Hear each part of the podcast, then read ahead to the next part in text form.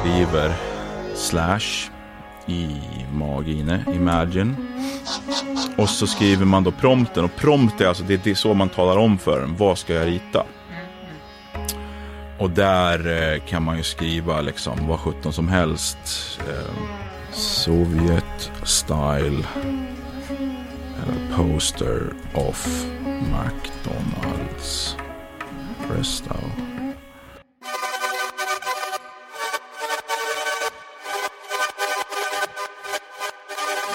Hjärtligt välkomna till ett nytt avsnitt av I själva verket. Konstpodden som görs i samarbete mellan Aftonbladet och Svenska Dagbladet.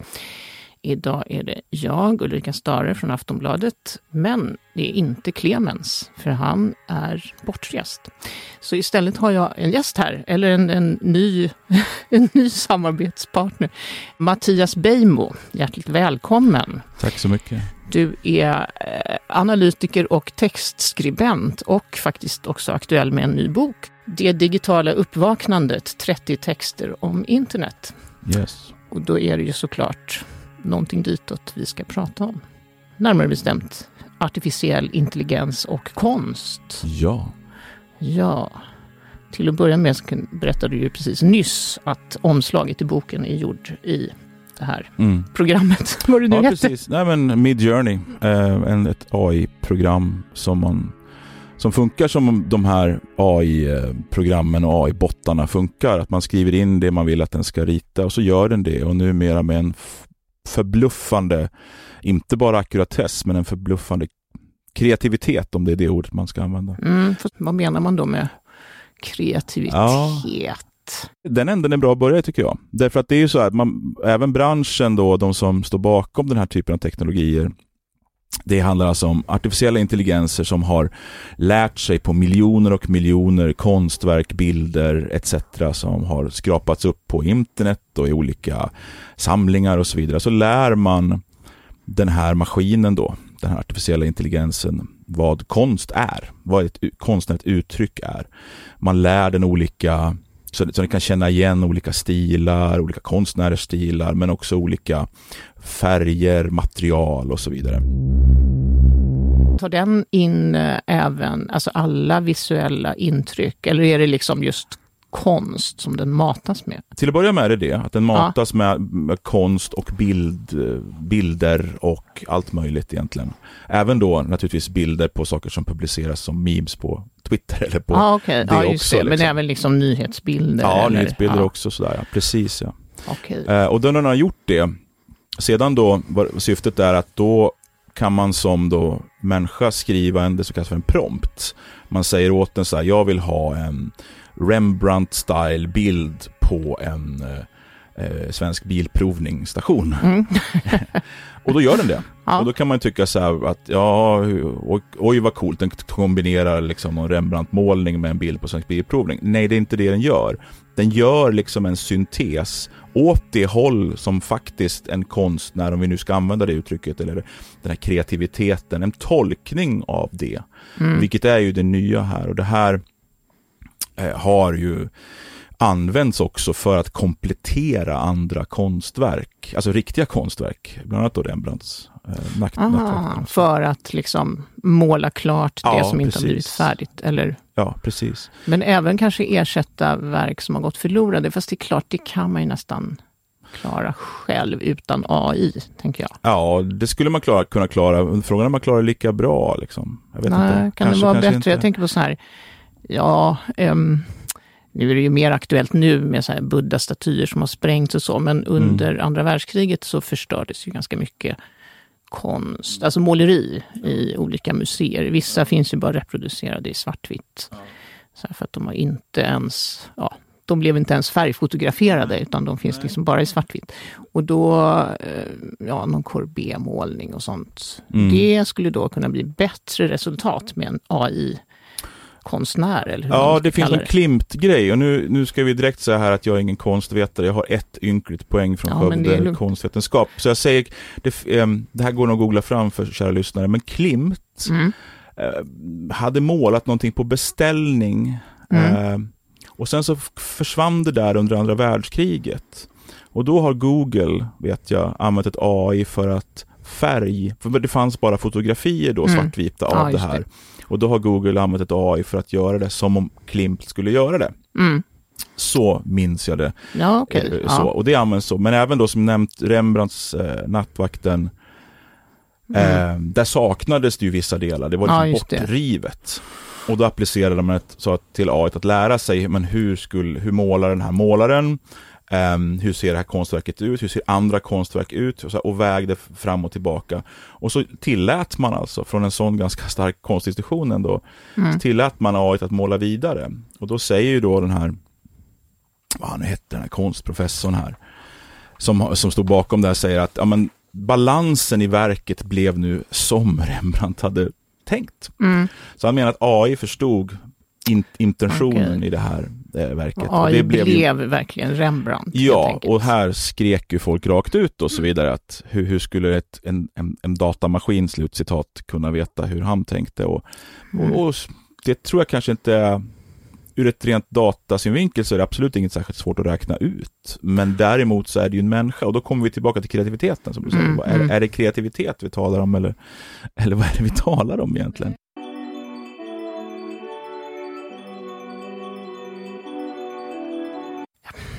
Kreativitet är ju också ett, en djupt mänsklig drivkraft på något Mm. sätt. Och då Mm. kan det kännas lite fattigt att ge bort den till en maskin. Men jag Ja. förstår att det är ändå det som är, det är väl inte det som är grejen med AI. Att vi är, Mm. liksom, det unikt mänskliga Ja. är kanske inte så himla unikt då, då Nej. uppenbarligen. Precis. Jag vet inte, jag, jag tycker ju och en del med mig tycker att att det kanske är begreppet kreativitet som det är fel på. Att vi måste acceptera någonstans att vi har en för snäv definition av begreppet kreativitet. Mm. Eh, att vi har, vi tillskriver den bara, ja men att det är människor som, som är kreativa, maskiner är det inte. Därför så har det alltid varit. Mm. D- enkelt förklarat så fungerar de här AI, AI-na på, på följande sätt. Det, de fungerar på någonting som kallas för GAN. Och det är ett adversarial network. Alltså det är, ett, det är som två stycken, ett jag och ett överjag skulle man kunna kalla det Okej. för. Två stycken agenter, alltså personer kan man nästan se framför sig. Där en målar Mhm. och en är konstkritiker. Analyzing now. Så funkar de. De är uppsatta precis så. Ja, okej. Och Ja, jag förstår. De målar pixel för pixel, millimeter för millimeter, så börjar då den ena måla. Och den här konstkritikern med då miljoner åter miljoner bilder och kunskap som den har samlat in om hur konstverk ser ut och hur de olika, ja, och som jag pratade om tidigare. Baserat på det, så hela tiden så ger den här konstkritiken i programmet feedback på varje pixel. Nej, inte så. Ja, Okej. så. Och så vidare. Och den här eh, målaren då, den andra, försöker hela tiden blidka, Mhm. vinna helt enkelt över den andra. Det är så här live-kritik. Ja, pixel för Okej. pixel, så funkar programmet. Okej. Eh, och till slut då så kommer man fram till någonting då som förhoppningsvis är intentionen i prompten. Mm. Men vad som blir intressant, för det är ju liksom som en kopiator egentligen. Mm. Så det är inte så intressant att ja, ja, åh gud, den gjorde exakt som den här konstkritiker-delen av programmet ville. Det som blir intressant, det är när den misslyckas. Okej. Det är ju när den inte riktigt gör exakt som Lyder inte den här kritiken? Nej, den lyder Ja. eller försöker lyda, eller försöker komma på vad är det den menar egentligen då. Mhm. Då kommer de här intressanta felskären. Lite Mm. grann som när någon försöker skapa ett konstverk, säg Ulf Lundell till exempel Mm. kanske, eller, eller valfri målare, försöker skapa någonting. Och, men är lite för, druckit för många glas rödvin eller lite för inspirerad eller för avslappnad och drar iväg åt något håll. Så det är Mm. liksom, det är det som kan hända även i de här AI-na faktiskt. Och det är, Gud, vad spännande. Kan, har du något exempel på något sånt som du har, som du själv har, för du har ju ändå gjort ganska många, eller vad ska man Ja, säga, du sitter- har gett många promptar. Ja, herregud ja. ja. Det här, som en parentes, det finns ingenting som är värre för, eh, för produktiviteten för mig än de här grejerna. Jag sitter och snör in på det här timme Mm. efter timme, timme och ny. Och, alltså det, Det här är liksom gaming-motsvarigheten. ja, jag har fastnat i det här. Liksom. Mm. Jag tycker det, och jag tycker det är riktigt coolt också.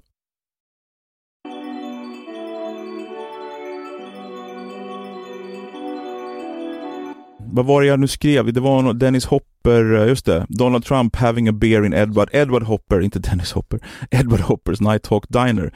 Det gav jag till ett AI. Alltså att, eh, en, en, att den skulle rita Donald Trump som, som dricker en bärs Mm. i den här Edward Hoppers Nighthawk Dinern som är så klassisk. Liksom. Ja, precis. Den här tomma, övergivna, Tomma, nästan ja, tomma. Men, Nästan ja. tomma, ja, Mm. precis. Den bilden. Och då gjorde, och det här var Stable Diffusion jag använde som, som ett annat konkurrerande då AI. Så vi kan komma tillbaka till, för det är intressant för det finns ju en, det är öppet för, på ett helt annat sätt. Men och när den, då gjorde den tre varianter först och det var ganska så väntat. Det var lite så här pastisch eller på den här Nighthawk-målningen liksom. Och, och det var väl bra och intressant. Men den fjärde den gjorde, det var att den gjorde som en tuschteckning Mm. av, av Donald Trump. Eh, som satt framför en man bland andra svartklädda män. Och eh, det såg ut som att den här svartklädda mannen framför honom, han sträckte fram handen till honom och så kräktes han, den här andra mannen i handen på Donald. Trump. Ehm, och varför den gjorde det, det vet ju inte jag och det vet ju inte de som har Ingen byggt vet. det här. Nej, Ingen vet. nej. Utan den på något sätt uppfattade att den skulle göra en sån bild för att testa om, ja men är det här du menar egentligen? Mm, mm. För den har kanske läst in saker om andra bilder på Donald Trump, karikatyr Donald Trump Mm, kanske, som den ville läsa in. Men eller Diner tog skiss den. av Hopper eller ja, något sånt. det. Något, Ja, ja. Kanske. Eller också att så här, dinern tog den, att det här, det satt ju, de satt ju vid ett bord och drack en bärs och det Mm. kanske var ungefär en diner tänkte den. Men, men de här svartklädda männen, vilka var det? Och Ja. varför tar den fram dem? Så det där är Ja. otroligt spännande. Och där, där börjar man ju, tycker jag, närma sig, eller närma sig, men jag tycker man är inom det som kallas för konst. Ja, ja, det är man väl. Man tänker på nej, institutionella konstbegreppet, Ja. men det har väl alltid i och för sig innefattat en eller flera individer, mänskliga individer. Eller det kanske inte har det egentligen. Jag Jag inte. funderar på om det verkligen har det. Om, om jag låter min hund trampa runt i färg och får det utställt så, så kommer det betraktas som konst. Ja, precis. Det som konstvärlden betraktar som konst är konst, helt Mm. enkelt. Det som också säljs och köps naturligtvis som konst, Mm. kritiseras som konst. Men för AI har sålts på auktioner, Mm. eller AI, AI-konst Jaha, har sålts Ja. mm, sedan flera år tillbaks. Det första, mest upp, eller första kanske det inte var, men mest uppmärksammade definitivt var ju på Christie's i New York där det såldes ett porträtt. Skitfult och alltså där, där har ju tekniken gått många eh, varv Mm. runt det där. Sedan, det här var 2017 tror jag, eller någonting sånt där. Och det såldes för 432 000 dollar, Oj. vilket är Ja. ganska mycket pengar. Så att det kriteriet är ju i check på den för många år sedan, att det Mm. säljs. Ehm, eh, och många, många sätter ju felaktigt samman AI-konst med datorkonst. Mm.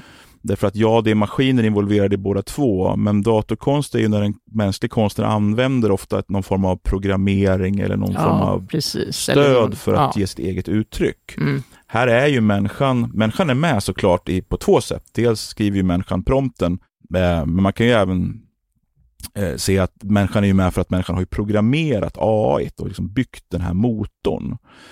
Men that's it egentligen. Sen så, Mm. så är ju inte, vi kan inte styra så mycket mer än det egentligen. Nej, det är ju en kontrollförlust här. Ja, det, och det är den jag tror skrämmer Mm. många.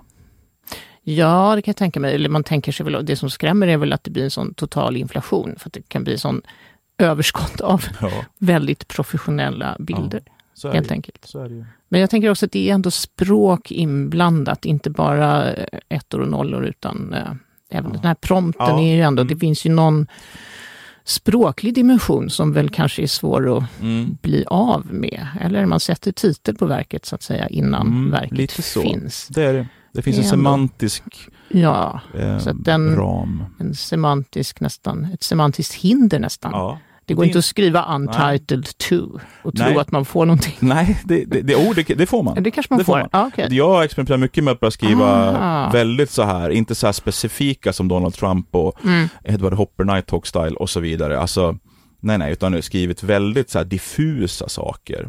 Mm. Eh, och ja, men tar man titeln på min bok, Det digitala uppvaknandet, när jag, när jag gjorde omslaget till den och bad det här botten då Midjourney göra den, så skrev jag ju eh, på engelska då, The Digital Awakening. Och då gjorde den en massa olika idéer på vad ett uppvaknande var. För ett Mm. uppvaknande kan ju vara många olika saker. Mm, mm. Och det var allt från väckarklockor till eh, nukleära katastrofbilder till... Så den liksom, uppvaknande är ett bra exempel där liksom det semantiska eh, ramen för ordet uppvaknande är ju, beror ju på hur du tolkar det ordet. Mm. Så där gjorde den ju lite spinnar på. Där kunde man ju se någon slags, om man vill kalla det för kreativitet, eller åtminstone försöka tolka, och de här två, som jag nämnde tidigare, konstnären och konstkritiken i programmet, i Mm. det här adversal-nätverket som det kallas, Mm. de hade en liten fight där om vad uppvaknande var för Mm. någonting. Så när jag genererade fler och fler så Ja, försökte och försökte liksom det här vara ännu mer kreativt. Man får lite fantasilösa konstkritiker Ja. som bara, men det är en väckarklocka. Ja, precis. Vad är problemet? Ja, problemet. Men, precis. Men jag har också stoppat in, eh, alltså man kan ju stoppa in bilder för att få ut bilder. Man behöver inte skriva. Ah, okej. Så jag har ju stoppat in en, eh, en, en målning av Ulf Lundell som heter eh, Madonna, heter den. Mm. Oväntat nog ett porträtt på en kvinna. Ehm, och eh, utkom då eh, tolkningar på detta. Och det dels var det några som var ganska snarlika. Mm. Eh, inte, inte kopior, men liksom uppenbart inspirerade av Mm, mm. måleriet. Eh, och så några som var lite så spann iväg ordentligt och hade med artisten Madonna lite grann Okej. som slags sådär i det. Ehm, och det blir ju nästan mer intressant för man behöver ju inte ta existerande konstverk. eh, utan man kan ju ta bilder på vad sjutton som helst och säga åt de här eh, AI att, att liksom spinn loss på det här. Mm.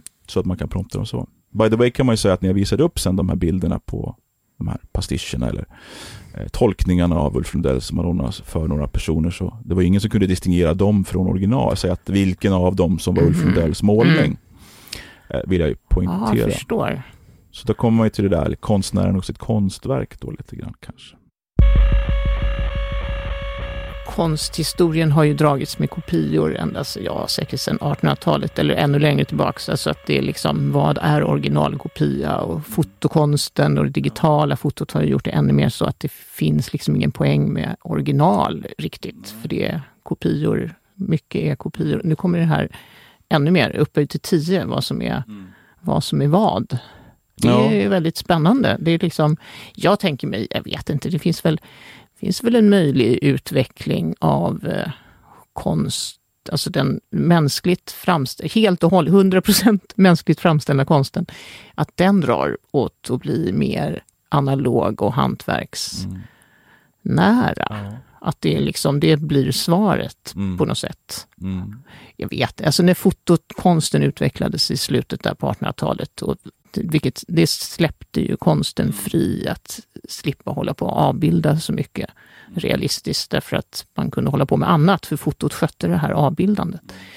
Nu kanske det blir ännu mer så här, nu sköter den artificiella intelligensen i princip allt visuellt, så då får det bli skulpturer och träsnideri och installationer. Ja, kanske ett litet tag då, tills det kommer 3D-utskrivna. Det finns en, en, en japansk-amerikansk konstnär som heter Katsu Mm.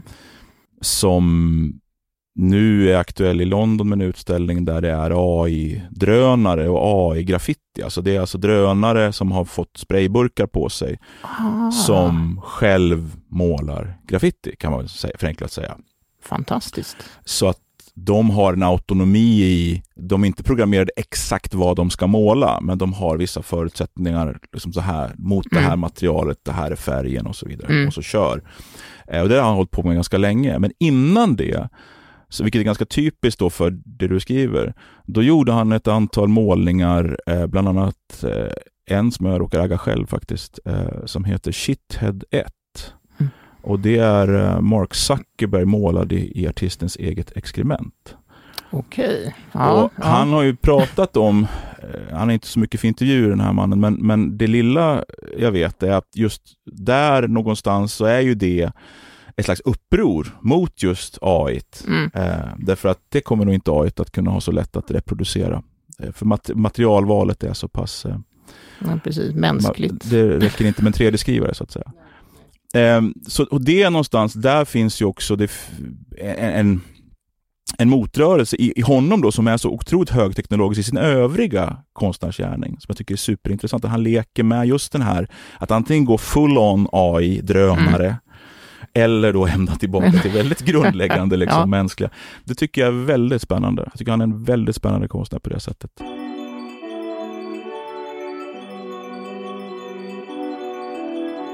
Från konstvärldens sida, det här förhålla sig till AI har väl mest varit att, äh, vad löjligt det här är.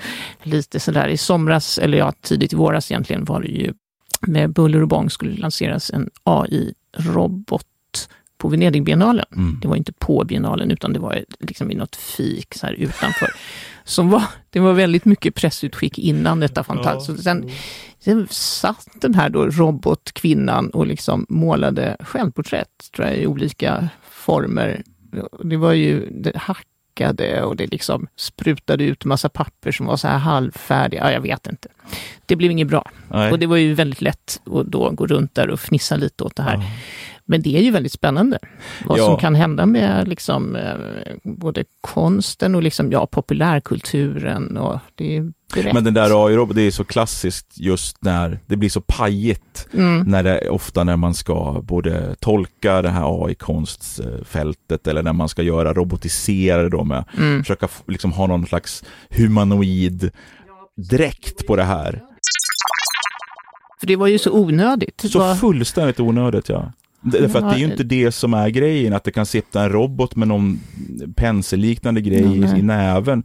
Det är bara trams. ASEA-robotar har ju funnits sedan sent 70-80-tal liksom. Ja. Så, ja. så jag menar, det, det, är väl inte grejen ändå, utan det är, mm. det är hur konstfältet ifrågasätts lite grann, eller autörsbegreppet mm. ifrågasätts eller åtminstone diskuteras i och med att det inte finns en människa så mycket med i ekvationen. Kan man inte känna en viss saknad också? Jo. Jag tänker så här kraftfullt politiskt verk, och sån här, aha, det kan den där AI, ja. ettorna och nollorna framställa utan att ha någon som helst åsikt. Ja. Det känns lite kalt, men å andra sidan så i verken kraftfulla kan de ju ha mm. en impact ja. ändå.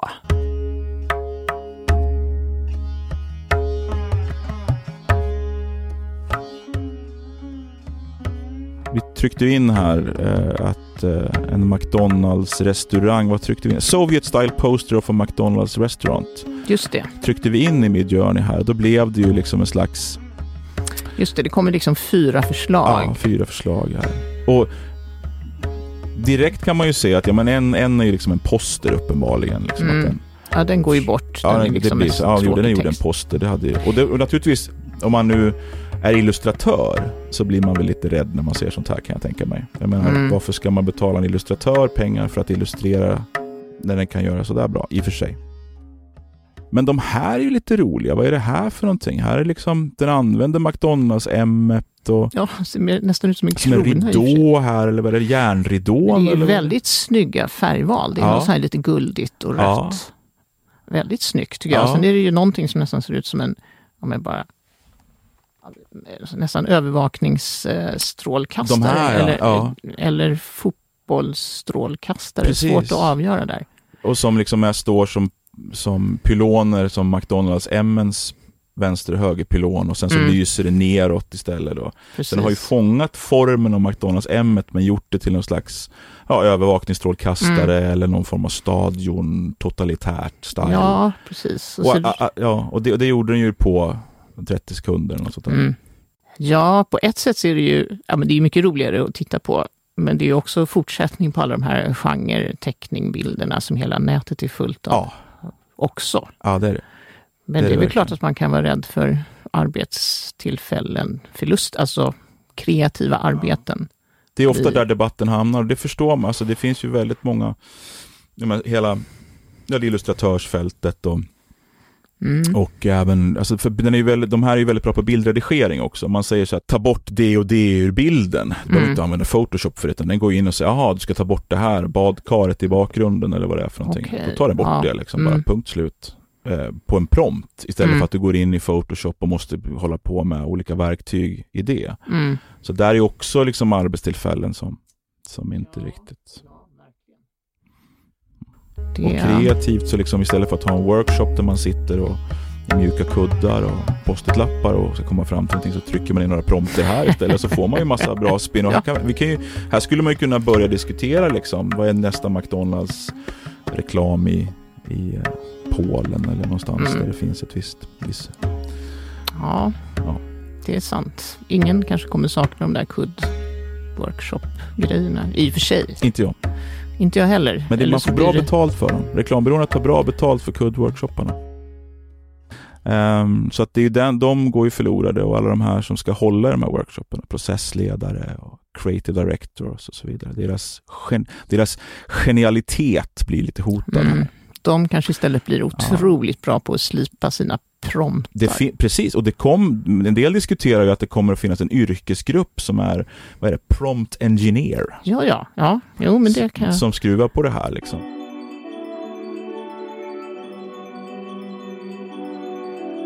Ja, frågan är väl ja, kanske vem äger de här verktygen? Just det. Vem, vem äger? Är det de gamla vanliga? The usual suspects, eller? Det är Google, det är Microsoft och så vidare. Mm. Uh, OpenAI finns det ju, de har en, en sån här då, ett, så, vi kallar det för ett AI då, en AI. Ehm, det grundades en gång av Elon Musk och några till.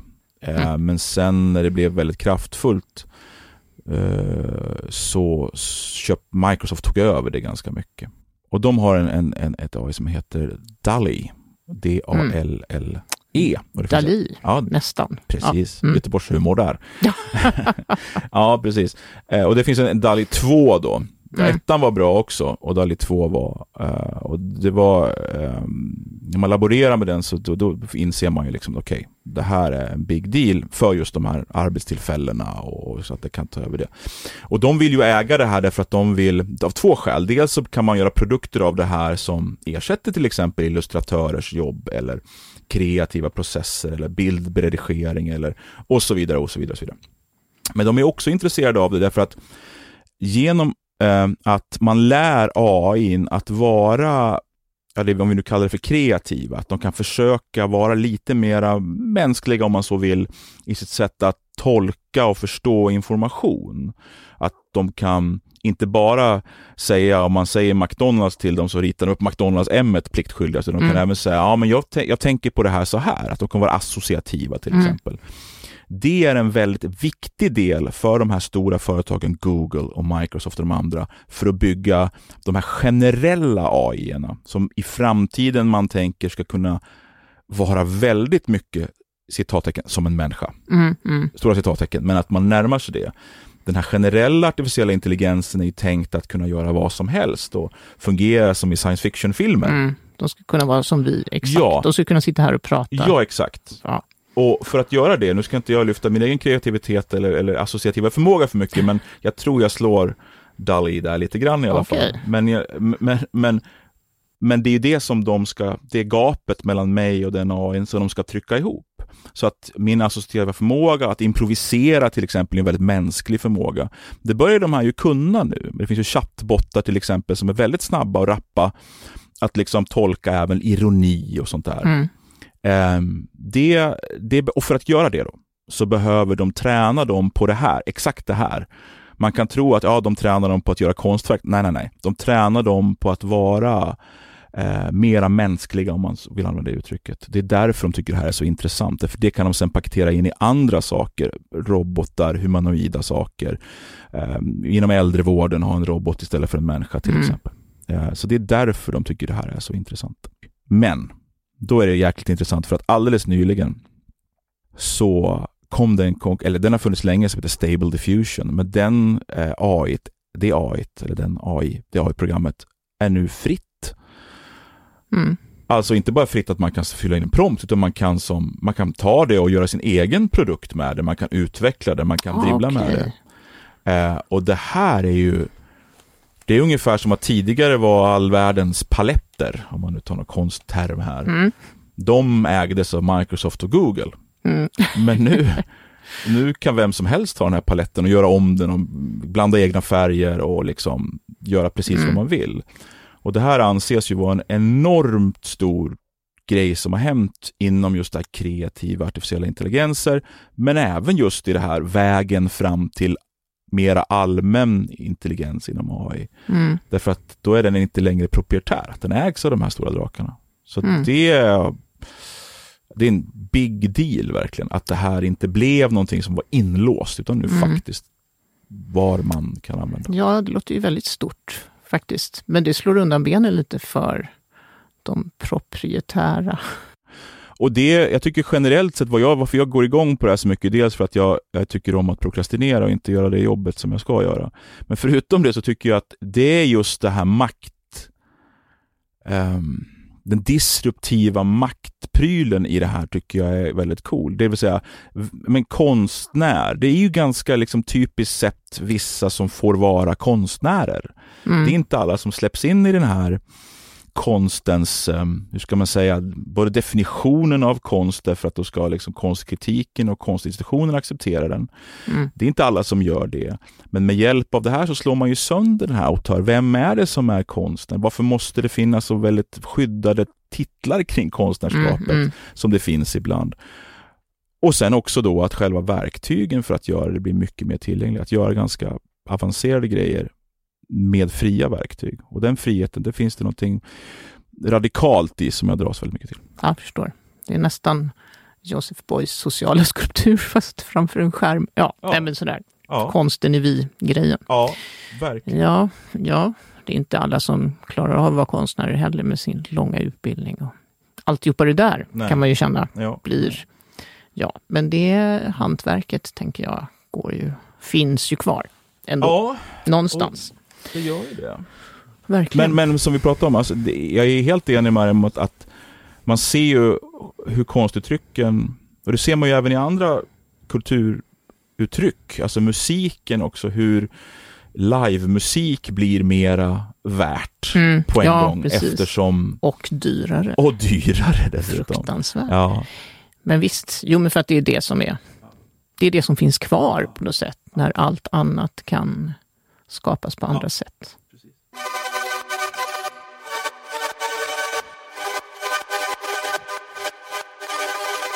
Årets Documenta som blev ju så utskällt, det var en väldigt social utställning. Det var väldigt lite liksom, konstverk som bara kunde tittas på, utan Mm. det var möten och processer och Ja. workshops och kanske faktiskt lite av det här kuddrumskänslan, Ja, att man liksom ska prata Ja. om något. Det var ju liksom det globala syd som liksom på något vis tog plats i Kassel. Mhm. Eh, och det är ju ett sätt att möta liksom AI-konsten också såklart. Att konsten blir mötet helt enkelt. Precis, Så. mötet och processen. Ja, Processen precis. lyfter ju, jag tycker den är jätteintressant i den, och den lyfts ju också upp. Det är ju till och med en egen, alltså det finns en egen psykedelisk delgren i den här AI-konsten. Mm. Som är att, att man fångar upp momentet när den här då i programmet konstnären och konstkritiken bråkar. Då Aha, fångar man upp det momentet. Okej. För då är det så här, då kan det, då kan, om det är en fågel till exempel som, som, den, som den ska måla, den här konst, Mm, mm. eh, AI-konstnären. Och då börjar den måla, så, så av någon anledning så trycker den dit ett öga i vingen på fågeln. Okej. Och det kommer den här konstkritiken, Mm. äh, kuratorn, om man ska kalla den, säga, nej men nu, okej, fåglar har inte ögon på vingarna. Hallå, Mm. kommer den säga, för att det skulle inte vara a bird, eh, en fågel med öga på vingarna, det skulle Mm. vara en fågel. Mm. Men den, den moment när den här konstnären liksom gjorde ett fel eller tycker att det blir coolt men det kan ha ett öga på, på vingen. Den, där finns det en konströrelse liksom som nyper Okej. processen. Mhm. Som är intresserad av processen. Hur kommer den fram till det? Och visar upp den. Att först gör den ögat bredvid fågeln. Sen så sätter den, ah, ögat ska nog vara på fågeln. Och så flyttar den den in dit. På Mm. vingen. Mm, mm. Och så gör den liksom jättemånga fåglar i bakgrunden. Alla har ögon på vingarna men inte i huvudet då. Alltså den där processen som den håller på med. Jag tycker det är Mm. Men hyperintressant. den kan man liksom visualisera Ja, eller på något Ja, ja. vis. Ja. Precis, man helt enkelt, man, man, istället för att titta på slutprodukten från process, processen, så Mm. tittar man på själva processen Mm, mm. och tycker den är intressant och den i sig är ett konstverk. Och det liknar Mm. väl direkt så att man diskuterar om, om konstens skapande och tolkande och, i, med människor emellan. Mm. Och här ja, är, gör man det också människor emellan, Mm. men också med en maskin. Med den där maskinen. Ja, ja.